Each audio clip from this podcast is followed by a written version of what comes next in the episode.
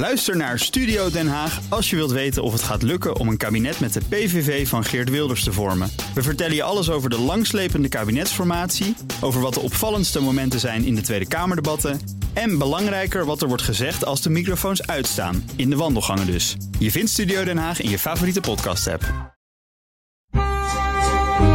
De Perestroikast. Een blik op Oost-Europa.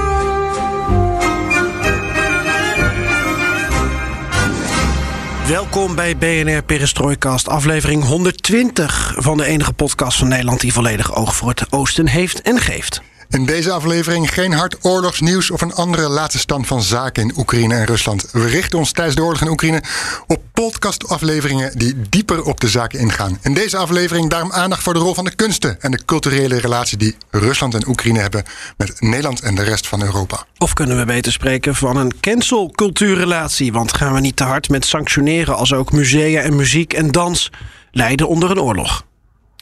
En dat bespreken we met Schenk Scheijen, schrijver van enkele meesterwerken die ook in Rusland zijn uitgebracht. Uh, is onderzoeker, gastcurator van het Hermitage in Amsterdam, waar hij net een tentoonstelling over de Russische avant-garde aan het grote publiek had willen tonen. Maar toen begon de oorlog en de rest is geschiedenis. Ja, en je weet het inmiddels, alles ten oosten van de rivier de Elbe kan de komende weken, maanden, jaren in deze podcast worden besproken. En wat leuk is, is dat we heel sociaal en democratisch zijn en dat je ideeën kunt inbrengen via Twitter, het Perestrooikast of mail ons op perestrooikast.bnr.nl. En daar doen we dan nog wat mee ook. Dat is Geert-Jan Haan. En naast mij Floris Akkerman. En dit is BNR Perestrooikast.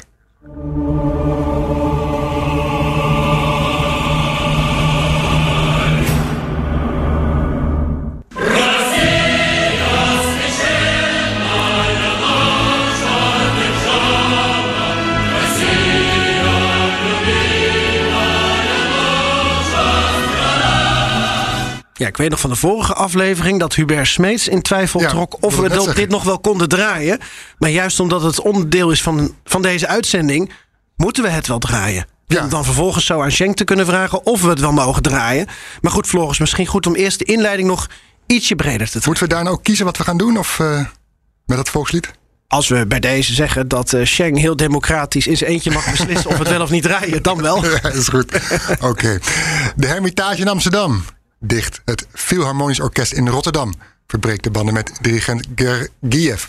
De Philharmonie in Haarlem annuleert een gepland festival rond Shostakovich en Tchaikovsky. Tegelijkertijd klonk uit het concertgebouw wel de 12e symfonie van Shostakovich. En gaat de Russische prima ballerina Olga Smirnova, aangesloten bij het geweldige Bolshoi Ballet in Moskou, nu per direct aan de slag bij het Nationale Ballet in Amsterdam. Met z'n allen zijn we dus op zoek naar een nieuwe balans, ook in de kunst- en cultuurwereld. Hoe houden we het contact met Rusland terwijl het politieke beleid nu eigenlijk lijkt te zijn om snoeihard op te treden? Schenk Scheijen, fijn dat je digitaal bij ons bent. Goedemorgen. Goedemorgen. Ja. Fijn om dat te zijn. Het volkslied van Rusland. Eh, Hubert was er uitgesproken over. Of zat met hele grote twijfels of je dat in deze tijd nog wel zou moeten draaien in een, eh, in een Nederlandstalige podcast. Hoe denk jij erover? Ik neem aan dat het natuurlijk altijd met een, een hoge mate van ironie ehm, eh, bij jullie was uitgezonden. Niet als een soort steunbetuiging voor het Russische bewind. Ehm, maar dan is inderdaad de vraag: hè, ehm, is die ironie, is dat nog, is dat nog oké? En ehm, ja, dat, dat, ik kan me wel eh, enigszins in eh, eh, Hubert's positie ehm, eh, daar meevoelen. Eh, omdat veel van die ironie waarin we vaak naar Rusland hebben gekeken, ja, die heeft misschien toch ook wel het een en ander verzacht van ehm, hoe dat soort symboliek, bijvoorbeeld zo'n volkslied, ehm, welke rol dat speelt in ehm, de strijd die Poetin op dit moment bijvoorbeeld voert tegen eh, de Oekraïnse bevolking. Ehm, het is natuurlijk wel een heel erg prachtig volkslied. Dat is natuurlijk iets heel anders. Ehm, Maar het is wel een volkslied maar vanuit de Sovjet-Unie. ja. Zeg- Het is wel ja, een nee, volkslied zeker, dat gebaseerd zeker. is op, de, op het volkslied van de Sovjet-Unie. Absoluut. Dus, eh, Absoluut. Ehm, en ehm, eh, ja, maar god, hè, ehm, ook daarvan zullen ongetwijfeld de Oekraïners zeggen. Ietsje minder terecht wat mij betreft. Maar goed, eh, hè, dat ook die Sovjet-Unie uiteindelijk een soort eh, onderdrukkende macht was. eh, waaraan zij hebben geleden. En ehm, ja, als je, als je alle groepen even serieus wilt nemen, kun je dan eh, dat doen. Hè? Om het eh, eh, iets anders en misschien ook wel onterecht in een iets andere context te plaatsen. Maar stel dat je ehm, eh, een radioprogramma zou hebben dat zou gaan over ehm, hè, de banden van Nederland met voormalige koloniën. En zou je dan ehm, eh, dat beginnen met het Wilhelmus. Hè, als je zeggen, daarna een, een, een programma maakt over Indonesië. Misschien niet. Ehm, eh, maar goed, dat is allemaal ook wel wat anders.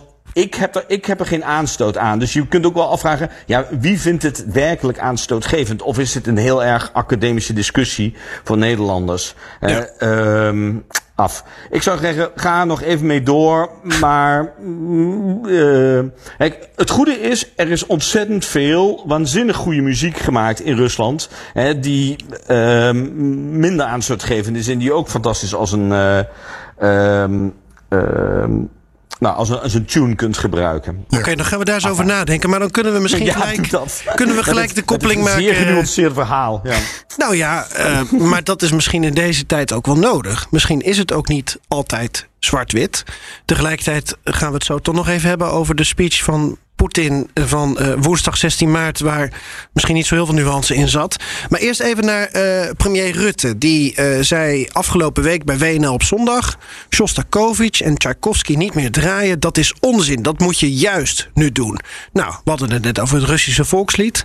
Eh, dit past natuurlijk in de lijn van het gebeuren in Haarlem met de Philharmonie, die daar een gepland festival rond Shostakovich en Tchaikovsky annuleert.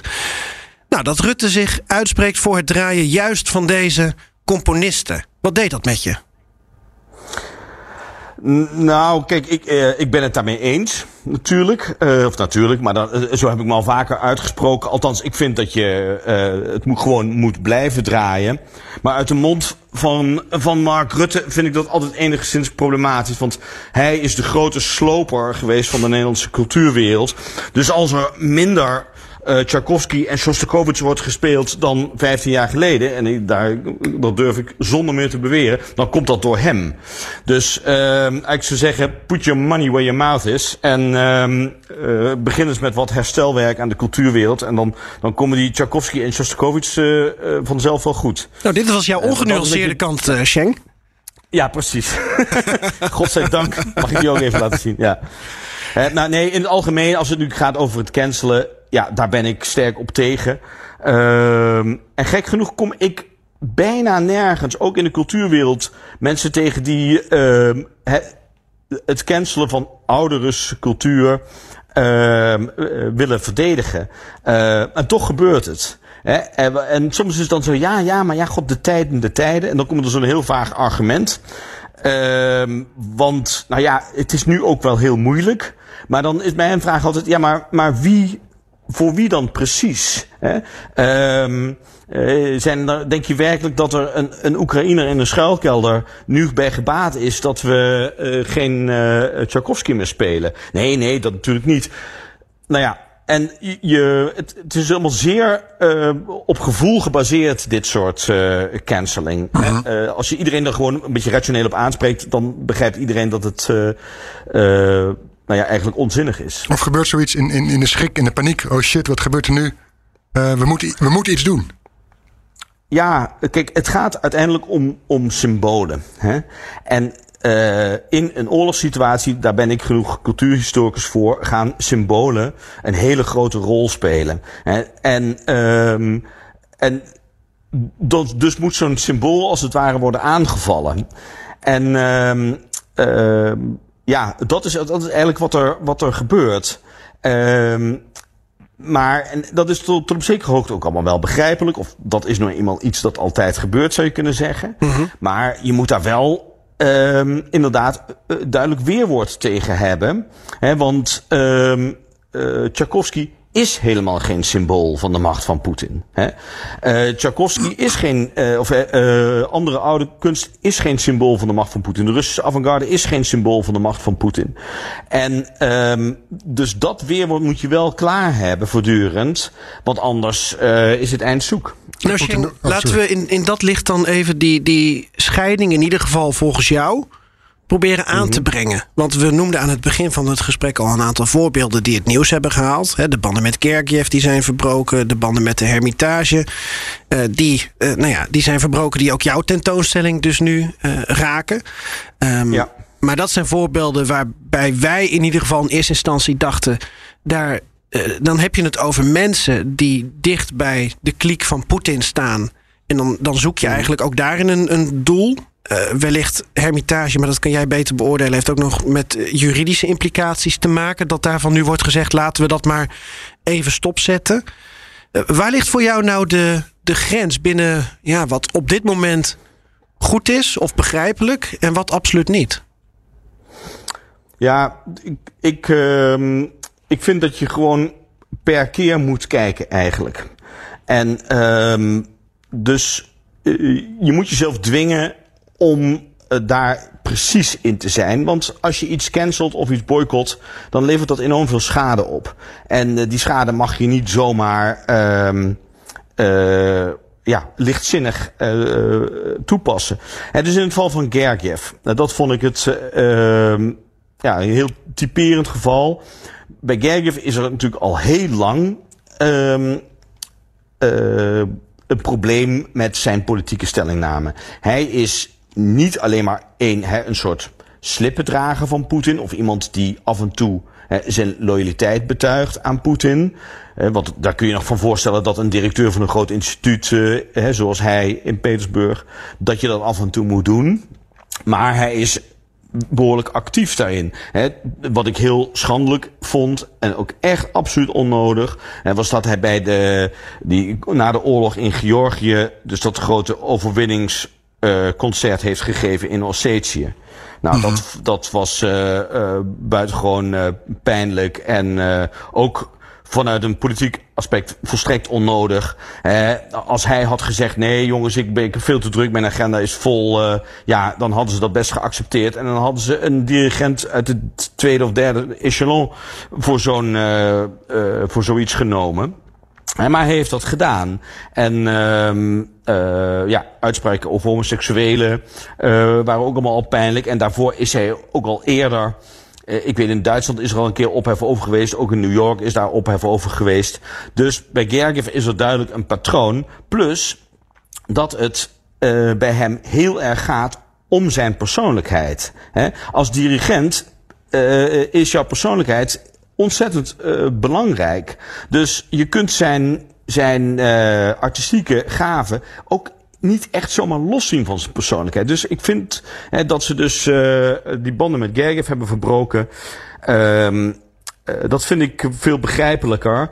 En levert ook minder schade op. Er zijn nog andere geweldige dirigenten op de wereld. Mhm. Um, dus, noem ze eens. oh, noem ze eens. ja, nou, nou ja, ze hebben positief, nu, Even een hart onder de riem. Ja, precies. Wie, okay. zou, wie zou je dan moeten nemen als... als orkest in Rotterdam. Je bedoelt als een Russische di dirigent? Ja, ik neem aan dat je dat bedoelde. Of bedoelde je gewoon wereldwijd? Bedoelde nou ja, je, je zou... Uh, nou nee, dat, dat, ik, dat bedoelde ik niet per se. Um, uh, het, er zijn gewoon heel veel goede dirigenten op de wereld. Ze hebben nu die uh, uh, in Rotterdam die jonge Yannick. Nou, die zouden ze ook uh, dat festival kunnen geven. Sorry, moet je me even helpen hoor. Yannick, dat is een... Ja, Yannick Seget heet hij. Uh, misschien dat ik het verkeerd uitspreek. Uh, nee, het Seguin. Seguin, oké. Okay. Ja, kan ook. misschien is het een Russische Franse dirigent, nee, maar... ik weet het niet precies. Nee, dat is een Franse dirigent. Ah. Een Franse dirigent. Oké, okay, maar als we over, Russische hebben, of niet... Oekraïense, bijvoorbeeld. Wie zou je dan in plaats van Goh, Gergiev nou, moeten nemen? Een beetje. Ja, hij is nou, cultuurhistoricus. De man kent toch niet alle, alle geweldige dirigenten uit zijn hoofd? Ja, hij is meer dan Precies. cultuurhistoricus. Hij gaat, hij gaat heus wel naar het Concertgebouw in Amsterdam. Ja, oké. Okay. Ja. ja. Maar uh, wacht even, want er is, namelijk, er is namelijk wel echt een geweldige, een Russisch-Griekse dirigent. Maar dan moet je me heel even geven, want uh, ik moet duizend vragen bij jullie zo meteen beantwoorden. En deze had ik niet voorbereid. Nee, dat dus, snap uh, ik. Kunnen we ja, nog okay. achteraf eventjes in de, dat heet met een heel luxe woord, de show notes, kunnen we nog even als tip meegeven aan de luisteraar die dan als de podcast online is, dat in de tekst kan, kan terugvinden als tip van, uh, van Sheng. Um, maar als we het hebben over uh, die... Theodor Kourensis. Is a Greek-Russian is hem. conductor. Dat is hem. Dat Nou, is hem. wat ben is- goed, dat is eh, Floris, het met computers. grote, briljante talent van nu. Oké. Dus uh, eh, laten ze die een groot festival in Rotterdam geven. Oké. Nou, die kunnen ze niet betalen, maar gaat het niet om. Dus Gergiev, eh, Gergiev kan ik begrijpen. eh, kan jij Ja. begrijpen. Dan de Hermitage. Ik snap ook, omdat jij daar enigszins zelf bij betrokken bent... met die tentoonstelling... eh, dat dat misschien lastig is om over te oordelen. Tegelijkertijd heb je eerder in gesprekken met ons het wel eens gehad... over eh, de directeur van de Hermitage in Petersburg, meneer Piotrowski... die toch wel dicht, eh, ook net als Gergiev, bij het Kremlin staat. Kun je dat iets meer Ja. duiden? Ja, het, als, je, als we het inderdaad over die twee figuren hebben, dat is dan een heel interessante vergelijking, vind ik. Want ik zei ook bij Gergiev al, als je een heel groot, eh, belangrijk historisch eh, cultuurinstituut leidt, zoals Gergiev doet en zoals Piotrowski ook doet, hè, dan is het in een dictatoriale of autoritaire staat eh, zoals Rusland niet mogelijk dat jij politiek afstand neemt van zo iemand. Hè? En zul je af en toe publiekelijk je loyaliteit moeten laten zien. Dat, dat moet iedere eh, figuur eh, die echt flink boven het maaiveld uitsteekt. En eh, kijk, die Hermitage is een eh, meer dan 150 jaar oud instituut. Die hebben allerlei eh, machtswisselingen meegemaakt. Bepaald niet makkelijk geweest altijd. Hè. Onder Stalin was het ook voor de Hermitage enorm lastig omdat Stalin eigenlijk eh, eh, het grootste deel van het museum wilde verkopen. Hè. En zij hebben als het ware altijd, het zit helemaal in de genen van die mensen, om eh, zich voortdurend aan die politieke werkelijkheid aan te passen en eh, daarmee hun instituut te beschermen. Eh, En Piotrowski, die doet dat natuurlijk ook. Af en toe eh, zal hij publiekelijk zijn loyaliteit aan Poetin eh, eh, moeten laten blijken. Maar ik vind, hè, zoals Piotrowski dat doet, en Gergiev dat doet, dat vind ik een behoorlijk groot verschil. Piotrowski doet dat eh, eh, duidelijk nooit enorm uitgesproken, mengt zich dan nooit per se in eh, politieke discussies. Hij gaat niks over homoseksualiteit zeggen. Hij zegt alleen, Poetin is mijn man. Dat heeft hij een keer gezegd. En ehm eh, hij gaat in een bepaald soort regeringscommissie over cultuur zitten. Ehm want dat is wat directeuren van musea nu eenmaal doen. Hè, om hun politieke backing eh, in orde te krijgen.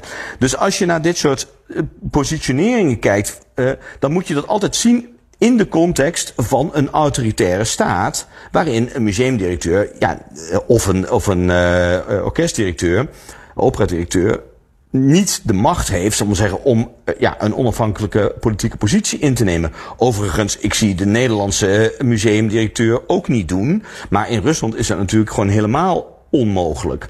Maar je hebt daar enige wriggle room, zal ik zeggen, enige ruimte hè, eh, om, om je te positioneren. En voor iedere Rus is het volkomen duidelijk dat Piotrowski, hè, die is ontzettend voorzichtig daarmee. Die behoort eigenlijk natuurlijk gewoon tot de liberale ehm eh, stroming in die Russische elite. En Gergiev, hè, die is over, veel duidelijker, behoort hij tot de eh, conservatieve en Poetineske kliek in de, eh, in die, in die Russische Maar elite. Schenk, Voor een waarom gaat dan jouw tentoonstelling niet door? Als ik dit zo hoor van jou. Ja, maar het ging niet over Piotrowski. Hè. Eh, tenminste, dat werd wel af en toe genoemd, maar dat is inderdaad dan voor mensen die, die kwamen met dat citaat aanzetten. Ja, Poetin is mijn man. Hè. Maar dat is dan inderdaad, ja, dat wordt dan al heel lastig. Piotrowski werd wel genoemd, maar uiteindelijk ging het daar niet om. Ik kan ook niet helemaal zeggen wat nou de eh, hele aanloop is geweest. Ehm, want er is natuurlijk, eh, hè, dit is niet natuurlijk alleen maar een beslissing geweest van de directie van de Hermitage. Ehm Ehm wat ik ervan weet, wat ze mij verteld hebben, dat is misschien ook nog niet het hele verhaal. En ik kan dat ook niet zomaar eh, doorgeven. Maar ehm een museum is nou eenmaal, zeker de Hermitage, eh, afhankelijk van zowel eh, steun vanuit de, de politiek en vanuit het bedrijfsleven. En in heel algemene zin kun je zeggen dat die steun wegviel. En ze dus een, een radicale beslissing moesten nemen. Maar kun je in algemene termen aangeven het feit dat Hermitage Amsterdam en Hermitage Sint-Petersburg nu niet meer in verbinding met elkaar staan? Eh, dat, dat, dat komt dan door mogelijke financiële implicaties, juridische implicaties? Kun je in die termen een, een beeld schetsen?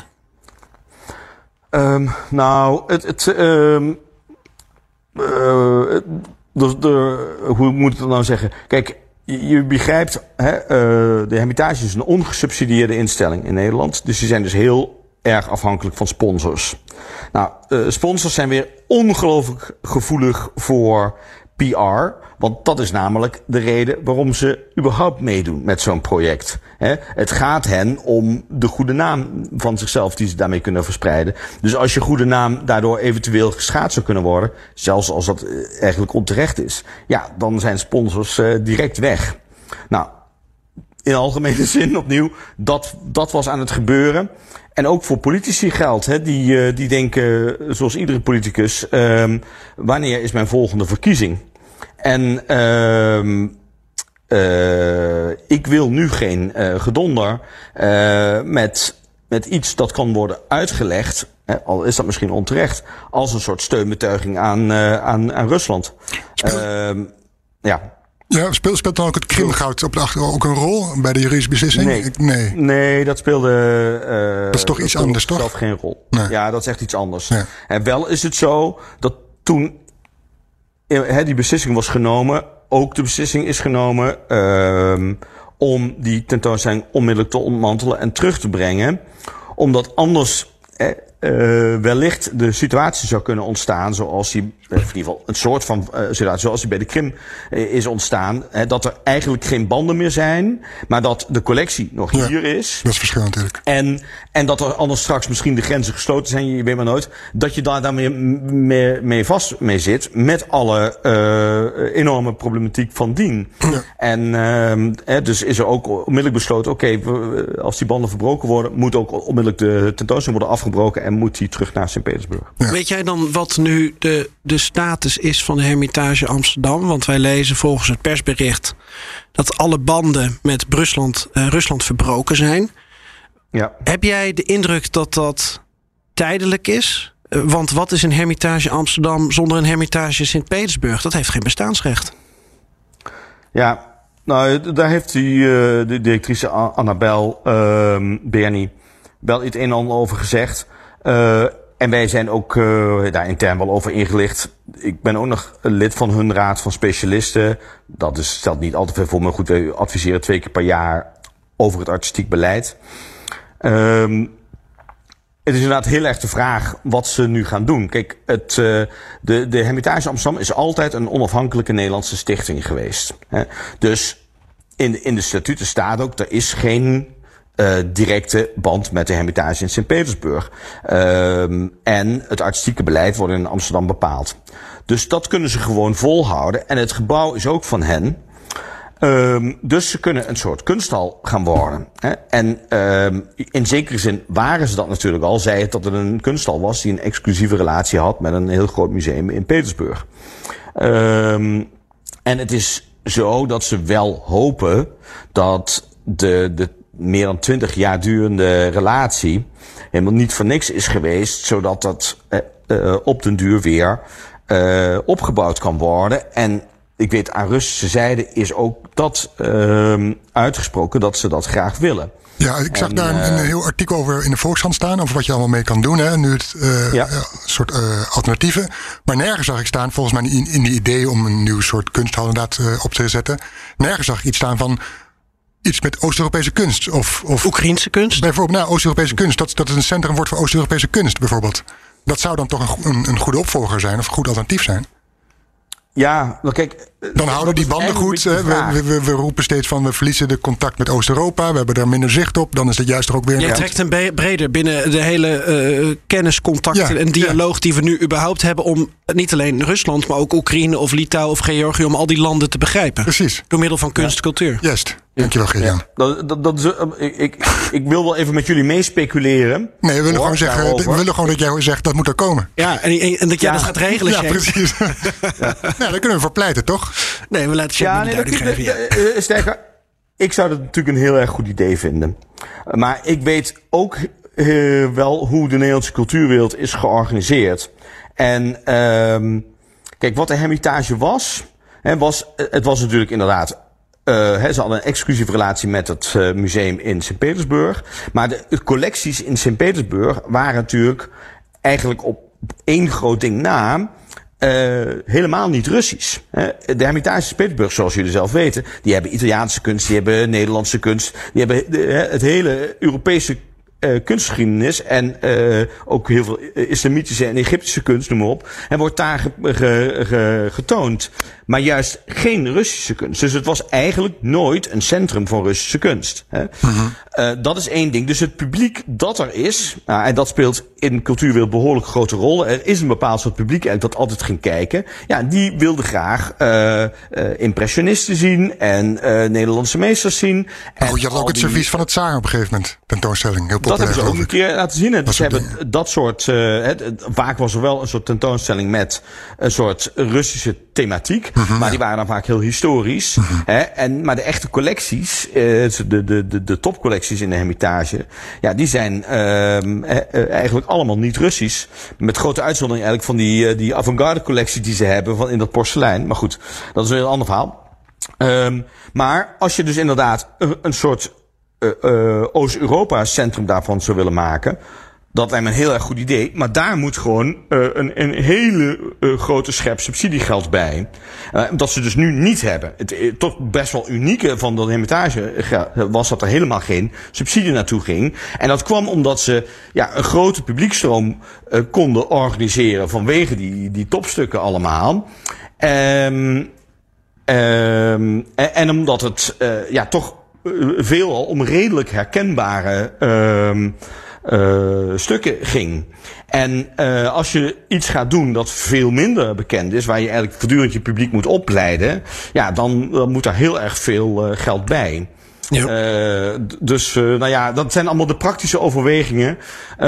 maar er wordt overigens intern best wel over nagedacht al. Al zijn ze nu ook heel erg bezig met het, gewoon het hele instituut te redden. Want er moeten ook contracten worden afgezegd. Ga maar door. Je kunt je het wel um, enigszins uh, bedenken uh, wat er nu in die organisatie allemaal gebeurt. Um, maar dan, dan nog één. Er degelijk over nagedacht. Ja, ja, Mag, mag ik nog één vraag stellen over de Hermitage ja. en dan sluiten we het blokje Hermitage af? Kan het, heb, heb jij de hoop dat het nog goed kan komen tussen Hermitage Amsterdam en Hermitage Sint-Petersburg? Zie jij nog een, een reddingsboei? Misschien als al het stof wat meer is neergedaald?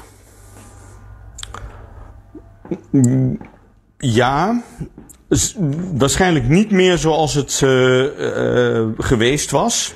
Uh, maar ik zie wel de mogelijkheid dat inderdaad als de stof ergens neergedaald... en laten we zeggen, misschien is daar ook wel gewoon een echte regime change in Rusland voor nodig. Um, of ja, een soort wijziging. Hè, dat er dan uh, die contacten weer worden opgepakt. En dat um, ja, er langzamerhand weer wat wordt. Uh, weer een, keer een project samen met die uh, Petersburgse Hermitage gemaakt kan worden. Maar dat, dat, je zelf wel begrijpt, zolang Poetin aan de macht is, zal dat altijd problematisch blijven. En, maar Anderzijds is er eh, in die instelling in Amsterdam natuurlijk een hele grote kennis ontstaan over hoe je met die hermitage omgaat. Er is een enorme kennis ontstaan over de collecties daar. Ja, dat is gewoon kennis die veel te waardevol is eigenlijk om zomaar te, uh, overboord te gooien. En ja. dat is het grote verlies. En um, uh, dus vanuit die instelling is er heel grote wens om dat niet verloren te laten gaan. Dus zo vlug als dat politiek enigszins mogelijk is, denk ik dat dat zal gebeuren. Maar ondertussen moet, moeten ze eerst opnieuw zichzelf uitvinden. Want uh, dat kan natuurlijk nog wel drie jaar duren of zo voordat het, voordat het stof echt een beetje is neergedaald. En uh, nou ja, drie jaar op de eeuwigheid is niet veel, maar voor een instelling betekent dat dat ze drie jaar een, een totaal ander programma moeten gaan draaien en daardoor zichzelf opnieuw moeten uitvinden. En die nieuwe hermitage die er ontstaat, misschien ook wel onder een heel andere naam, dat kan me heel goed voorstellen, ja, zal dan ook alweer een ander soort instituut zijn. Ja. Begrijp je? Misschien dus, kunnen we ja. zo'n zaal gebruiken, Sheng, om gewoon uh, podcast te maken één keer in de week. Dan kunnen mensen daarna lang, langs ja. ons lopen. En dan gaan we heel stil zitten op het moment dat de mensen langs ons lopen. Te gek. Houden we een- een zeker zwart vierkant 150.000 omhoog? mensen naar komen. Ja. Dan gaat Shane wat over ons zeggen. Ja, ik denk gewoon wat mee. Dat, uh, Sheng, Sheng als gastcurator van de Perestroikas. Dat zou toch mooi zijn. Maar Sheng, we moeten het toch even ook hebben over die, Ja. die, die eh, speech van eh, Vladimir Vladimirovich Poetin. eh, van woensdag 16 maart, gisteren. Want we nemen dit op op donderdagochtend.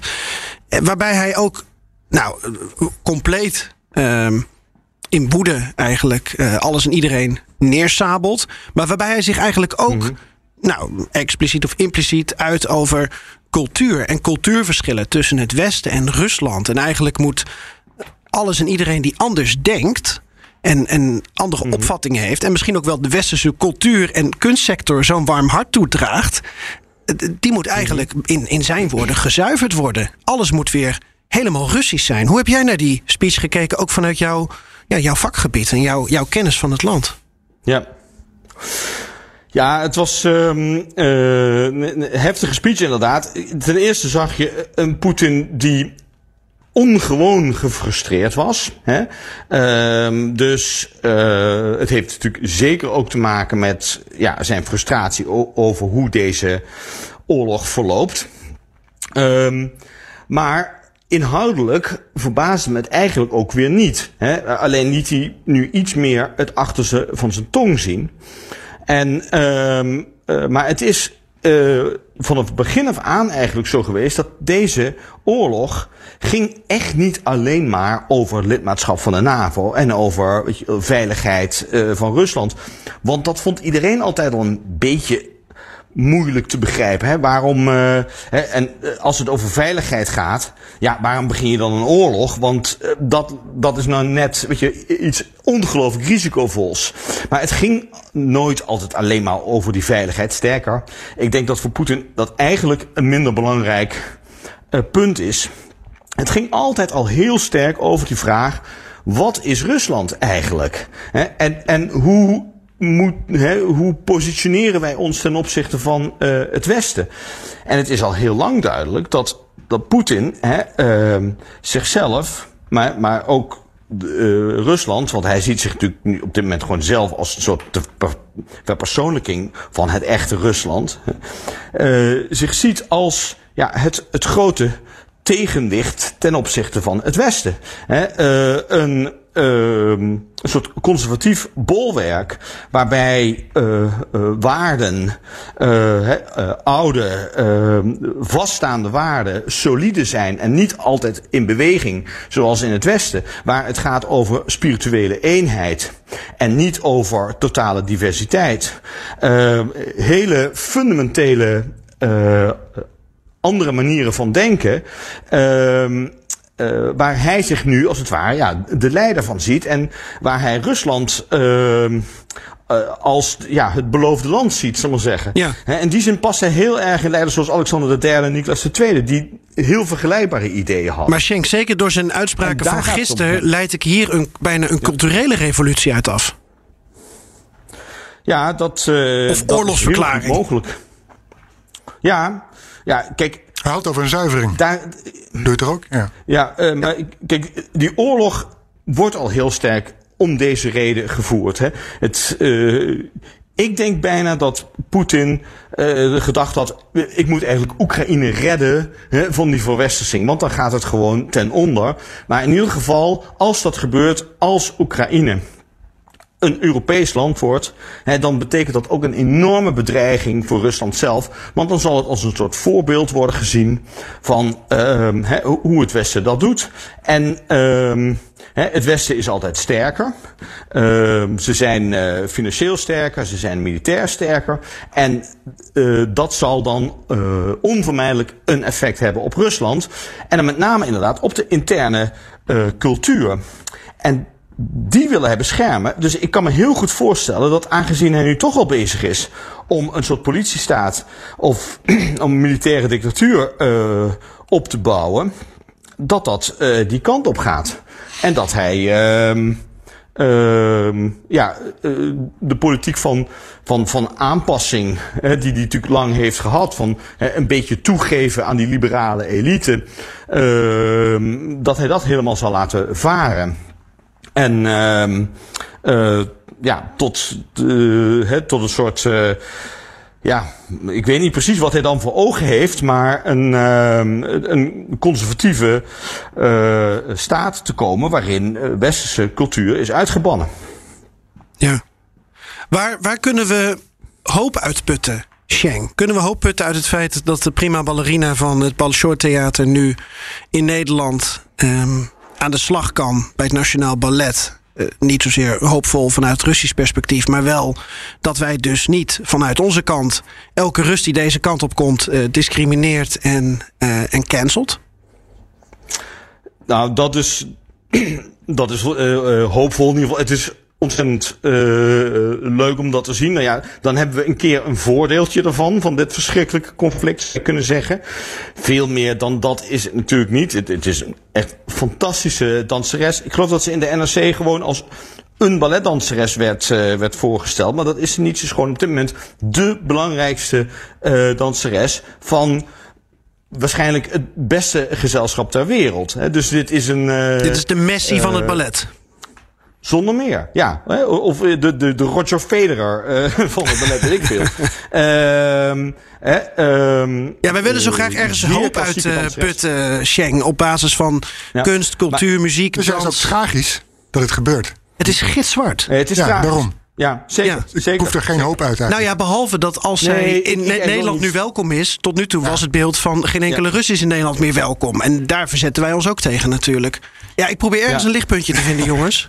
Nee, kijk, ik denk het, het, het echte lichtpuntje uh, zit hem uh, in, in de positie van Poetin zelf. Want laten we wel wezen, hoe vreselijk die speech ook was, het was ook een wanhopige speech. Hè? Uh -huh. uh, het was een, een speech van een man die uh, ja, uh, gewoon ziet dat hij aan het verliezen was. Het was een soort rant van Hitler in zijn bunker, weet je wel.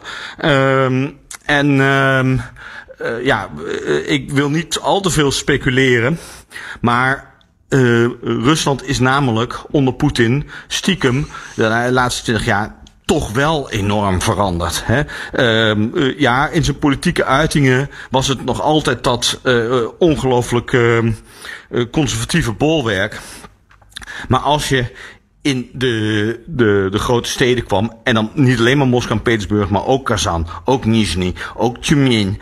Dan zag je daar overal hè, um, ja, een enorme wens om uh, als Europees te worden gezien. Hè? Misschien niet een soort nieuw Denemarken. Hè? Uh, ook die, de progressieve Russen hè, of de gematigde Russen hadden een duidelijk besef van hun eigenheid. Maar uh, dat Poetin nu straks met één vinger op de knop zomaar hè, dat hele, um, uh, ja, die, die, hele westerse mentaliteit of die, die aanhankelijkheid aan Europa uh, weer in, in een doos kan stoppen.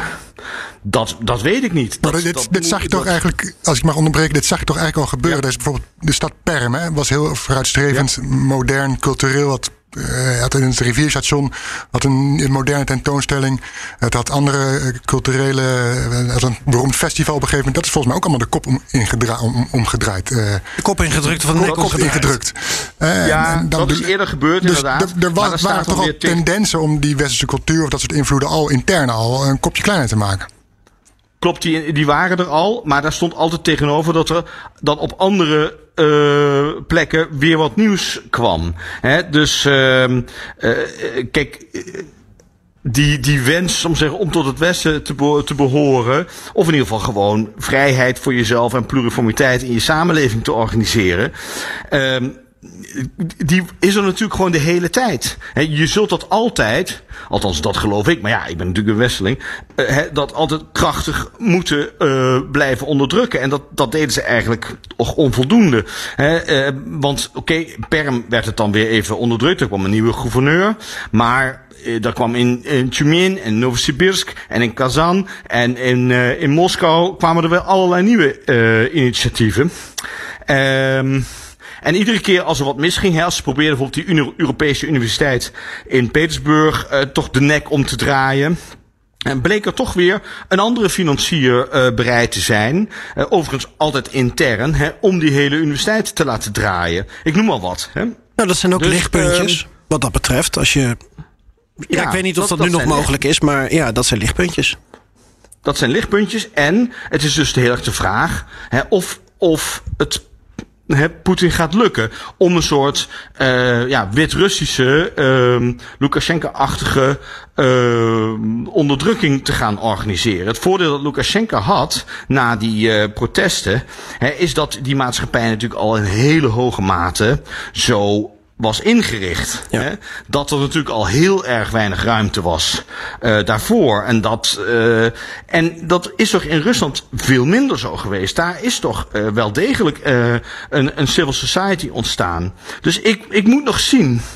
Um, hoe hij dat, of, hij, of hem dat werkelijk lukt. Of hij hè, de kracht gaat vinden in die, uh, uh, bijvoorbeeld de veiligheidsdiensten om dat te doen. Of dat het zo is dat de kinderen van alle FSB-generaals inmiddels toch ook gewoon in Europa studeren hè, en, en graag een café latte drinken en... Uh, ja, weet je wel, graag over de wereld willen blijven reizen. En, en, zich bovendien.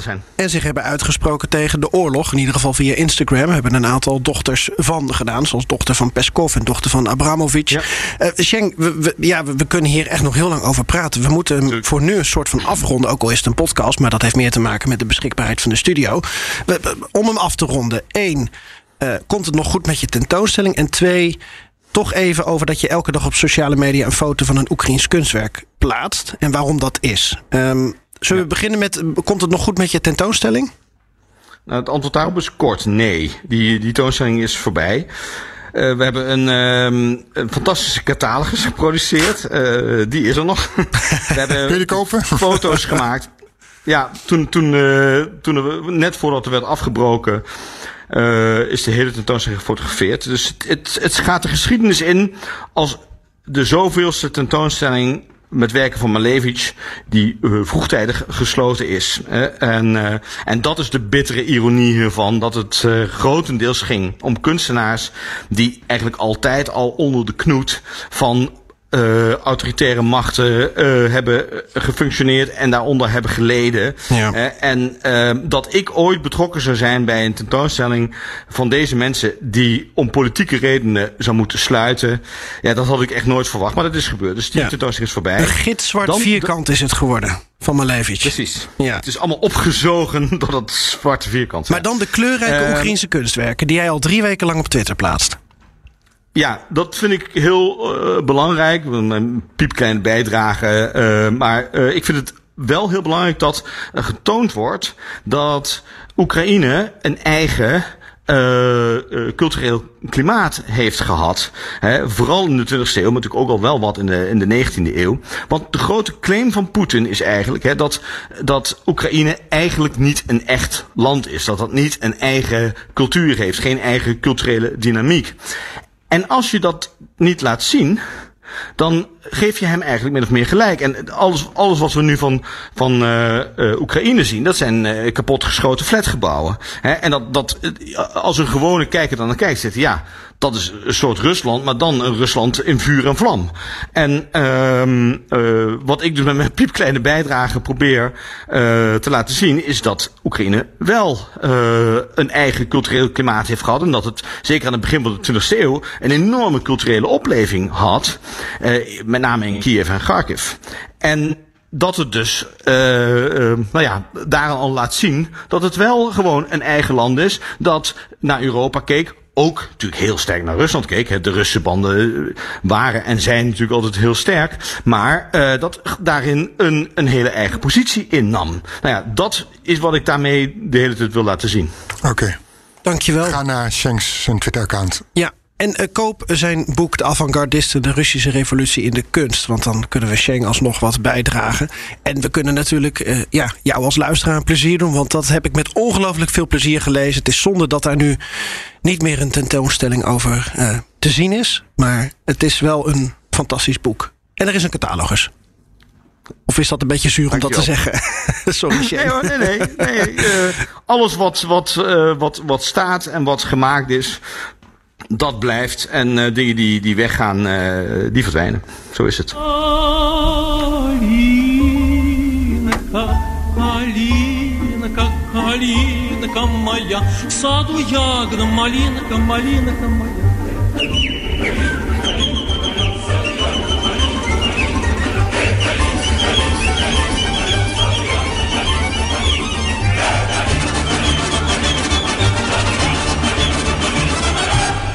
Dankjewel, Sheng Schreier. Pakka. Eito. Ja, pakka. Ook Hugo Reitsma vind je in de BNR-app. Superhandig die BNR-app. Je kunt alle programma's live luisteren, breaking nieuwsmeldingen. Je blijft op de hoogte van het laatste zakelijke nieuws. En je vindt er alle BNR-podcasts, waaronder natuurlijk de belangrijkste, Boeken zijn in de wijk. Download nu de gratis BNR-app en blijf scherp.